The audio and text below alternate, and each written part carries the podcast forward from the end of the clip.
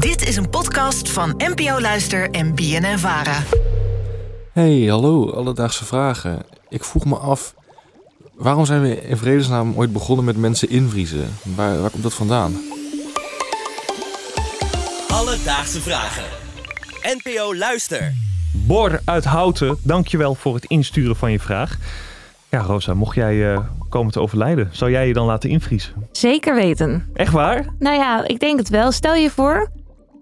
Wacht, je komt er natuurlijk niet levend uit. dus dan Nou, blijft dat weet je niet, hè? Nee, dat weet je niet. Maar dan moet je nog niet dood zijn voordat je wordt ingevroren. Jawel, als je dood bent, word je ingevroren. Maar dan kom je er toch niet meer levend uit. Ja, maar dat is het idee, hè? Je laat je invriezen, zodat ze Ja. je later weer tot leven kunnen wekken. Oké, goed, dan wel, ja. Oké. nou, fijn dat we dat hebben vastgesteld. Nou, Rosa, ik heb ook eventjes online gekeken hoeveel dat je gaat kosten, mocht je zelf willen invriezen.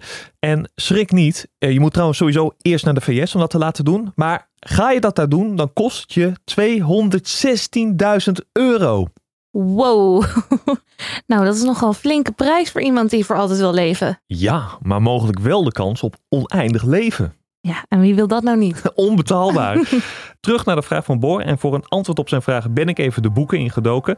En blijkbaar is die hele hype voor het invriezen van mensen met als doel om later weer tot leven te komen ontstaan na de publicatie van een boek in 1964.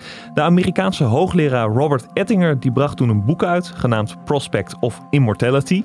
In het Nederlands heet het boek trouwens De Diepvriesmens, maar dat is zijde. Hele andere vertaling. Ja, en hierin legde hij het concept van, eh, moet ik het goed zeggen, eh sironisme uit en waarom het zou kunnen werken. En dat gaat er dus over eh, dat je je laat invriezen met als doel later weer tot leven gewekt te worden.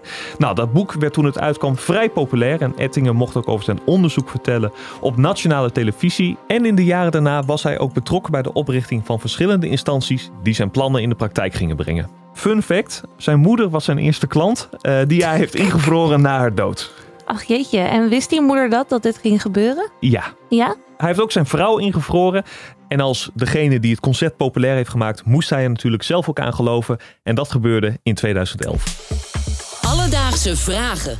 Dat was dus het eerste gedeelte eh, van de vraag van Bor. We weten waar het vandaan komt. Ja. Maar in deze aflevering wilde ik ook eventjes aandacht besteden aan het idee hierachter. Want waarom werkt het bijvoorbeeld tot dusverre niet? En gaat het dat ooit in de toekomst wel doen?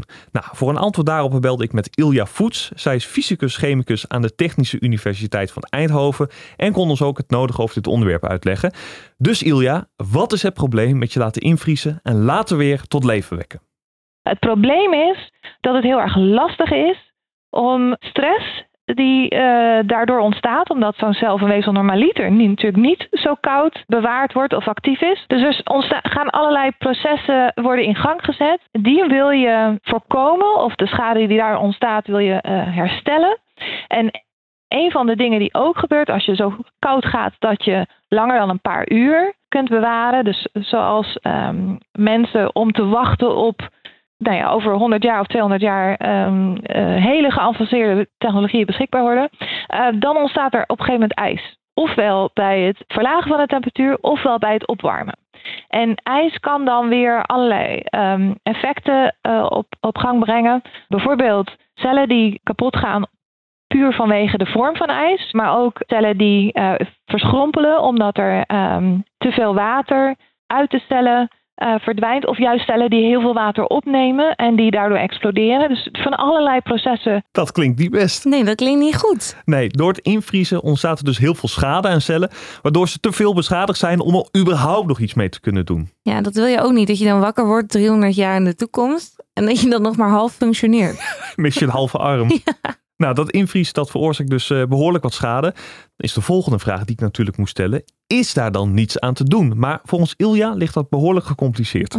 Wat er nodig is om een lichaam zo lang te kunnen bewaren zonder dat er eh, überhaupt schade ontstaat in geen van de cellen, in geen van de weefsels, of dat de schade die ontstaat te herstellen is, ehm, dat verschilt heel erg. Dat verschilt heel erg van de eh, voor de verschillende type weefsels die we hebben in ons lichaam. Ons lichaam is natuurlijk ontzettend complex. Dus een hart eh, bestaat uit alle andere cellen dan een nier enzovoort. En die hebben eigenlijk allemaal hun eigen specifieke ehm, optimale condities om eh langer termijn bewaard te blijven. En dat kun je dus eigenlijk nooit in één vat doen. Dus het is heel erg lastig. En ik denk ook in de toekomst, in de verre, verre toekomst, onmogelijk om dit voor elkaar te krijgen. Ja, je hoort het, Rosa. Geen toekomstmuziek. Jammer. Dat betekent dat ik niet meer nog 300 jaar ga leven. Moet ik deze plannen helaas maar even in de ijskast zetten. Nee, nee. Heb je deze opmerking nou echt gemaakt? Ik heb er de hele uitzending over nagedacht. Oh, mijn hemel.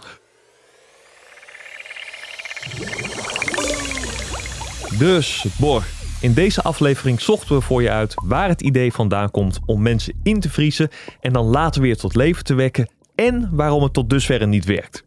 Nou, het idee sloeg aan na de publicatie van het boek The Prospect of Immortality van de Amerikaanse Robert Ettinger. In navolging van het boek werden vervolgens verschillende bedrijven opgezet waar mensen zich na hun dood konden laten invriezen. Ja, en waarom het niet werkt? Bij het invriezen raken onze cellen flink beschadigd en mochten we het dus weer met dat lichaam wat willen doen, dan kan dat niet door die beschadiging. Heb jij ook een vraag? Stuur ons dan een berichtje op Instagram. Dat kan naar Alledaagse Vragen. Maar je mag ons ook mailen op alledaagsvragen.bnnvara.nl en dan zoek het voor je uit. Alledaagse vragen. NPO Luister. BNN Vara.